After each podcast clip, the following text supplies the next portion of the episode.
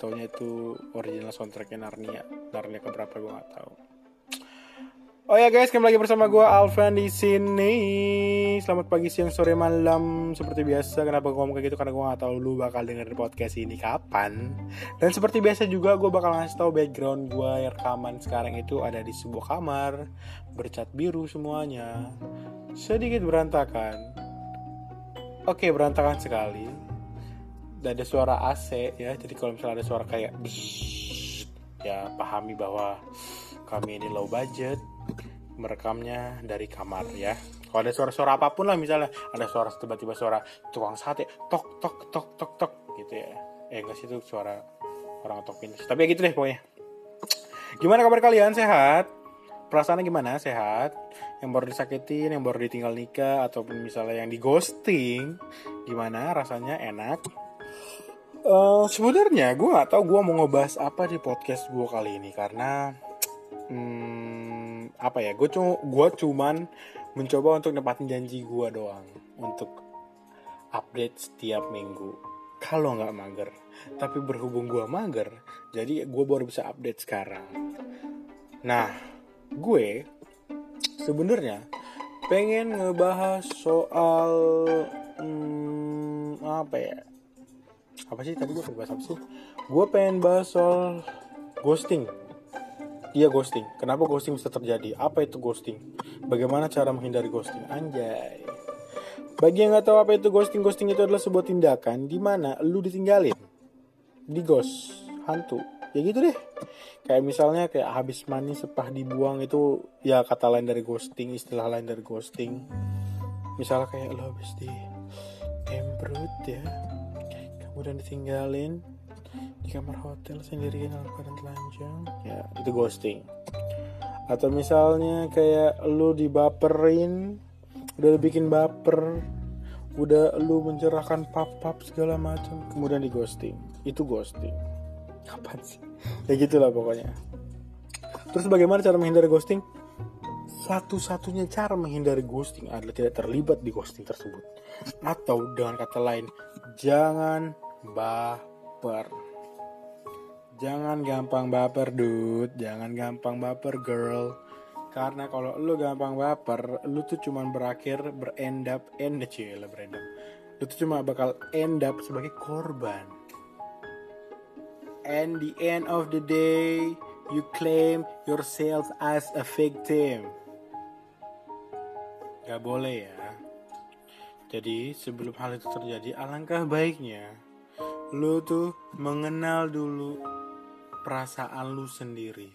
Mengenal dulu apakah ini hanya nafsu, baper,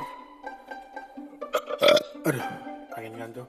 Apakah ini nafsu, baper, atau sange? Mohon dipisahkan ketiga substansi ini. Karena zaman sekarang orang tuh nggak tahu lagi batasan mana itu perlakuan spesial mana itu perlakuan yang sebenarnya lumrah terjadi gitu kayak apa-apa tuh sekarang diromantisasi kayak nganterin pulang dibilang apa dibilang ngasih harapan masakin orang dibilang suka padahal itu biasa aja. Gue pernah dimasakin kayak kue kue apa namanya? Kue kukus gitu sama temen gue cewek dan gue disuruh nyobain. Itu kan bukan berarti dia suka sama gue kan? Ya nggak tahu sih tapi ya intinya dia nggak pacar nama gue sekarang gitu. Hal-hal gitu tuh dulu pernah main terjadi. Jadi tuh jangan gampang banget lah. Ih dia kayak suka sama gue deh. Ih suka deh kayak dia sama gue deh. Iya deh iyain aja deh. Akhirnya lu maksain men Maksain ekspektasi itu terjadi. Lu tuh kebanyakan nonton k-drama Kebanyakan nonton romcom Kebanyakan denger musik galau Kebanyakan ini apa nonton sinetron-sinetron India Antv kampret tuh emang itu bisa-bisanya tuh masih ada sinetron-sinetron India useless itu. Ya gue gak setuju sama sinetron India walaupun gue pendengar lagu India ya. Gue suka lagu-lagu India men Kabi alfidana kehena. Anjay. Gue suka lagu India tapi gue gak suka sinetron-sinetronnya Filmnya beberapa gue suka Cuman tidak dengan sinetron-sinetronnya. Terus kayak lu tuh gampang akhirnya merasa bahwa lu tuh dispesialkan. Karena lu tuh sudah tersugesti bahwa apa yang orang lain lakukan itu yang sebenarnya normal itu adalah sesuatu yang spesial gitu. Kayak secara tidak sadar lu ngebangun harapan atau ekspektasi yang terlalu tinggi terus lu berandai-andai akan terjadinya suatu kisah romantis sampai di suatu titik di mana lu lupa atau bahkan lu enggan mempertimbangkan satu hal. Apa itu? Realitas ketika realitas muncul di depan mata lu lu tuh sering apa ya denial. Saking lu tuh kasmaran ya saking cinta itu buta akhirnya lu merasa bahwa uh, apa ya lu avoid ini men realita. Realita bahwa lu cuma teman realita bahwa itu tuh cuma hal biasa dilakukan realita bahwa ini tuh gak ada apa-apanya ini gak spesial. Ya ini tuh cuma dilakukan oleh teman biasa aja. Saking lu butanya tuh akan romantisme itu tuh. Terus apa yang terjadi setelah itu? Biasanya lu tuh bakal bingung kesel marah kemudian melampiaskan emosi lu ke orang yang bersangkutan. Kalau di Twitter ya biasanya hal-hal kayak gini tuh bakal di spill kalau lu emosi gara-gara lu ghosting pasti di spill itu kayak udah stereotip batu di Twitter tuh kalau emosi gara-gara di ghosting pasti di spill. Padahal ketika gue baca catatan mereka pun ketika gue baca evidence evidence ya enggak ah biasa aja kayaknya deh. Ah lu nya aja kali yang terlalu terlalu berharap. Terus akhirnya orang-orang yang orang-orang yang ngeghosting dalam tanda kutip ini tuh kayak di labelin dengan istilah-istilah pemberi harapan palsu lah. Ya itu tukang PHP gitu kan. Tukang modus so ganteng so cantik PK fucker fuckboy ya ya sosok lainnya lah pokoknya. Padahal harapan itu memang nggak ada dari awal men. Alias cuma cinta fata morgana. Kalau udah begini ya ya sangat besar kemungkinan gitu hubungan pertemanan lo jadi rusak. Apalagi kalau misalnya yang fuckboy atau fucker itu tuh dari dari satu circle lo gitu ya. Itu kayak things get awkward gitu. You try to avoid him her gitu kan as much as possible and you end up being resentful gitu. Which I think it's apa ya itu nggak bener dilakuin gitu kan. Kayak lu akhirnya tambah musuh. Orang main alter nambah temen lu nyari musuh. Keblok terus ya apakah batasan antara teman gitu atau lebih dari teman sudah begitu samarnya sampai apa-apa tuh sekarang tuh dicap modus. Gue pernah nih ya gue pernah. Cuman ada cewek bikin manifest terus kayak dia kesepian gitu butuh temen ngobrol terus gue komen nicely gitu. Terus gue dicap modus gitu. Ada yang nge-DM gue cie modus banget ngomenin ini gitu, sama cewek yang lagi di mana sama gue ya enggak men. Kadang itu orang kayak stres gitu depresi segala macam dan dia butuh temen ngobrol dan dia apa ya need help dalam tanda kutip ya emang sometimes mereka cuma butuh temen ngobrol. Dan kenapa gue apa ya dan kenapa gue concern ke situ ya karena uh, eh, gue pun pernah ada di posisi mereka ketika gue butuh temen ngobrol dan gak ada yang mau ngobrol sama gue. Dan semua yang menghilang yang gue butuhkan itu tuh cuman bikin gue getting worse aja gitu. Nggak lebih baik dari sebelumnya. Dan mikir dan akhirnya bikin gue mikir kayak melakukan tindakan yang tidak tidak membacok orang membom rumah mengambil pacar teman. Ya gitu deh. Jadi tuh gampang banget sekarang kita tuh kalau berbuat baik tuh dicap modus. Ya gue sih nggak ada ngelihat nggak ada yang salah ya kalau misalnya teman-teman temen cowok misalnya nganterin teman wanitanya pulang karena sudah malam atau misalnya tidak ada yang salah juga nih ketika ada teman wanita yang memberikan teman laki-lakinya tuh makan hasil masakan sendiri. Pernah nggak sih lu cewek lagi masak terus lo ngasih temen cowok lu makanan buat nyicipin maksudnya gitu kan? Ya isn't that what friends are for? To take care each other gitu. Kalau bukan lu apa? Hanya sebatas lawan bicara. Gue rasa itu itu bukan temen men kalau kayak gitu. Itu cuman kenalan atau relasi. Atau jangan-jangan ya silakan dihitung kembali. Ada berapa temen lo atau jangan-jangan selama ini lo tuh cuma punya banyak kenalan dan relasi tapi temen nihil ya kan? Coba deh lu pikir-pikir. Sejak duduk di bangku SD sampai SMA atau bahkan saat kuliah pun masih sering diternyang-nyang nih. Di telinga kata cie. Cie cie apa apa diciein duduk di sebelah orang diciein. Pergi ke kantin bareng diciein bantuin nugas diciein. Nyapa doang nyapa di jalan diciein. Kayak eh pagi Ren. Eh pagi Van. Cie. Ini siapa sih? Ini penemu kata cie ini kampret juga nih lama-lama. Terus gue kayak mikir gitu kayak tren kayak gitu tuh datangnya dari mana coba? Kayak sedikit-sedikit diromantisasi gitu. Well gue nggak tahu pasti ya tapi gue yakin tuh ini erat hubungannya dengan konsumsi media hiburan coy Iya gak sih? Kayak genre musik, film, sinetron, TV show, atau literasi gitu. Coba deh lu pikir orang, tema apa yang paling laris untuk anak-anak muda? Coba. Ya tema percintaan, tema galau, itu yang laku men. Dari musik K-pop, eh enggak, enggak deh, enggak musik K-pop juga deh.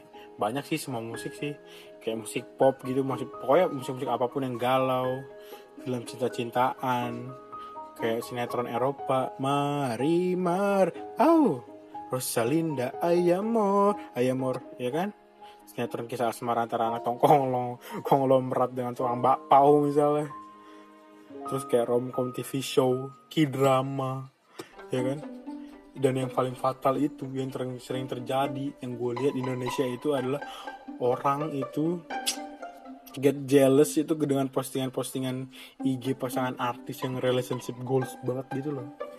Kalau role model di Indonesia yang gue lihat itu ya kayak Rahel V-nya dan suaminya. Terus juga si apa tuh Arif Tipang. Gue tuh waktu itu gue dulu pertama kali gue tahu uh, bininya Arif namanya eh pacarnya Arif namanya Tipang. Gue tuh ngira namanya bukan Tipang tapi Tripang. Tau gak lu kayak kayak apa namanya? Tripang itu tuh kayak binatang laut itu loh. Ya tripang ya gitulah pokoknya orang-orang laut tau lah. Sobat sobat dolpino tau lah pasti itu terus ya pokoknya hal-hal kayak gitu deh yang yang jadi role model mereka tuh. Ya nggak salah sih secara itu ya berarti media tahu betul gitu dia mentarget audiensnya gitu kan tapi bagi gue tuh ini cukup merefleksikan bagaimana pandangan kita terhadap romantisme itu terbentuk. Ya enggak? Kita tuh diberi sugesti nih secara terus menerus bahwa cinta itu tuh menyenangkan, akan selalu berakhir bahagia, happy ending. Which is not always the case, man. Ini yang menurut gue tuh menyebabkan banyak orang tuh terpengaruh fantasi asmara ala-ala. Yang kemudian mendorong mereka tuh untuk segera mewujudkan ya. Atau lebih tepatnya maksain sih. Maksain fantasi tersebut untuk terjadi. Kayak banyak loh orang-orang yang maksa banget gitu. Hasilnya apa? Pernah lihat orang yang baru kenal? PDKT kilat lalu tiba-tiba langsung berstatus pacaran? Atau kalau misal di alter tuh kalau di alter itu tuh biasanya kayak diam-diaman ketemuan bungkus. Kayak sering banget tuh terjadi tuh. Kenapa gue tahu sering banget terjadi? Karena gue tuh cukup mengamati base-base yang banyak alter eh alter yang banyak tanks base-nya gitu loh. Itu ngomong-ngomong yang tanks base Nora Nora kampret. Nora lu.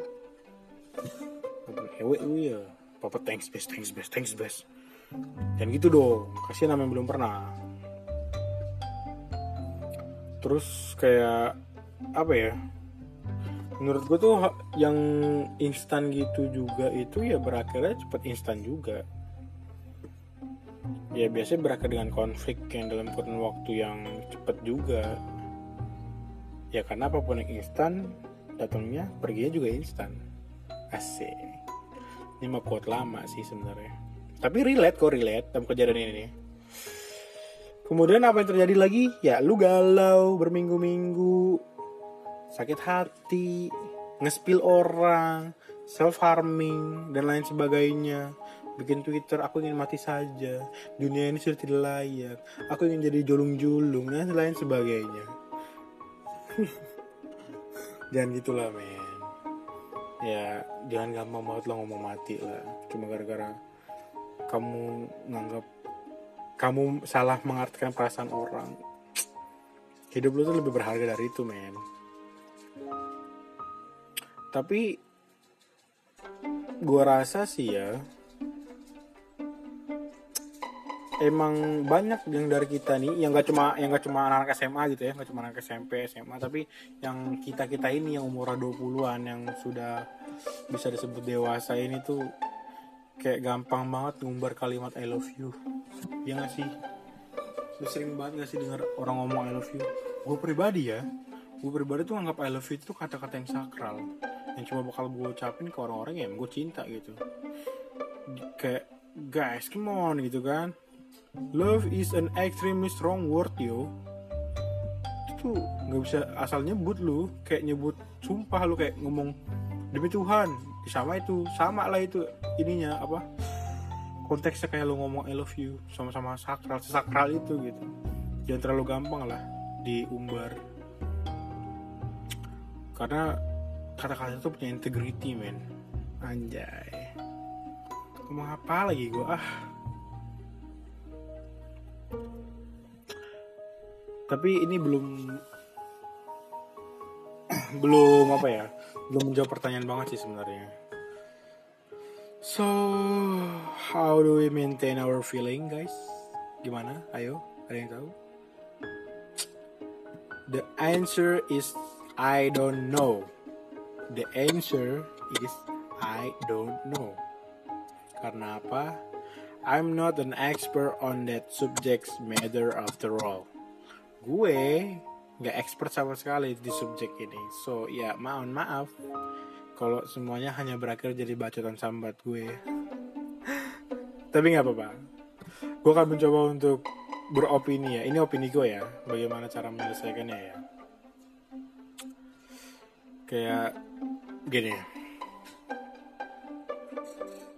next time ketika lo merasakan baper coba untuk evaluasi lagi perasaan itu apakah itu cuma baper atau cuma rasa suka, kagum atau sange. Coba dipilah-pilah lagi gitu. Atau mungkin lu cuma kayak kebanyakan nonton film drama gitu. Or, or, or. Atau lu cuman merasa kesepian.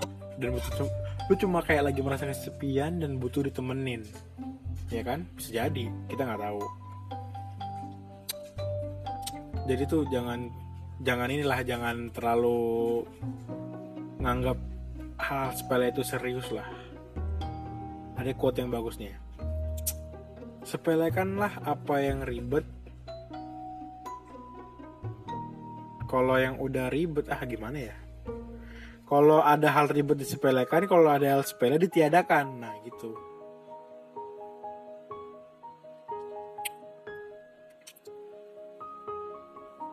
terus jangan males lah gitu Jangan malas dan culas saat mengkritisi perasaan sendiri. You know yourself better than anyone else, man. Gue ulang lagi ya. Jangan males untuk mengkritisi perasaan sendiri. Karena nggak ada yang tahu elu kecuali elu. Nggak ada yang tahu elu lebih baik dari elu sendiri. Dan last but not least, coba untuk berhenti egois dan meromantisasi segala macam kebaikan yang ditujukan kepada kita, kepada elu, kepada gua, kepada umat manusia. Aduh maaf gua mabok. Pokoknya jangan terlalu gak meromantisasi sesuatu men dengan cepat. Dan jangan juga lu melakukan apa ya kebaikan kepada orang lain itu kayak lewat dari porsinya. Yang sampai bikin orang tuh beranggapan bahwa lu tuh suka sama dia. Nah itu tuh lu jahat juga tuh. Kayak misalnya lu ngasih eh, lu nganterin nih lu nganterin pulang cewek pas udah lu nganterin pulang lu usap pipinya lu cium keningnya. Ya itu sih berlebihan ya tot. Ya itu sih lu yang gue salahin kalau kayak gitu kejadiannya hmm oke okay, gue akan mengakhiri podcast gue yang sudah mulai ngaco ini dan gue nggak tahu ngomong apaan intinya gitu Just because they are nice to you doesn't mean they want you to be all over them gitu. Just because you are nice to them doesn't mean they owe you a relationship. Ngerti kan maksudnya? Ya. Yang nggak tahu gue artiin dah. Bentar gue Google Translate dulu. Bukan karena eh hanya karena mereka baik ke lo, bukan berarti mereka tuh mau lu ada untuk mereka gitu. Mau lu buat mereka ah gitulah pokoknya. Dan bukan berarti lu baik buat mereka eh dan bukan berarti lu bertindak baik ke mereka. Bukan berarti itu mereka berhutang ke lu suatu hubungan bos. Tidak seperti itu bos cara kerjanya bos. And when you realize about that fact that his atau her feeling is not mutual you don't blame them for it man. Ketika lu sadar kalau cinta lu tuh gak terbalas jangan salahkan mereka untuk hal itu men karena yang punya hati itu mereka iya mereka mereka yang punya hati mereka punya liver. Tapi yang punya pra, yang bisa mengontrol perasaan mereka sendiri itu ya bukan mereka sih. Itu bukan hak progresif mereka. Cuman ya itu tadi walaupun nggak bisa mengontrol perasaan lu sendiri tapi lu bisa tahu bisa mengarahkan ke mana perasaan itu akan jatuh. Ya kayak lu you need to apa ya evaluate lagi lah your feeling lah. Segitu aja kali ah capek gue mau tidur. Intinya gitu men. Jangan apa-apa dibaperisasi kayak Vicky Prasetyo. Jangan apa-apa diromantisasi coba untuk lebih kritis lagi mengenai perasaan lu sendiri coba untuk lebih pahami lagi bahwa ini biasa-biasa saja. Segitu saja dari saya yang sudah mulai tipsi. Bye bye, love you. Muah, muah, muah.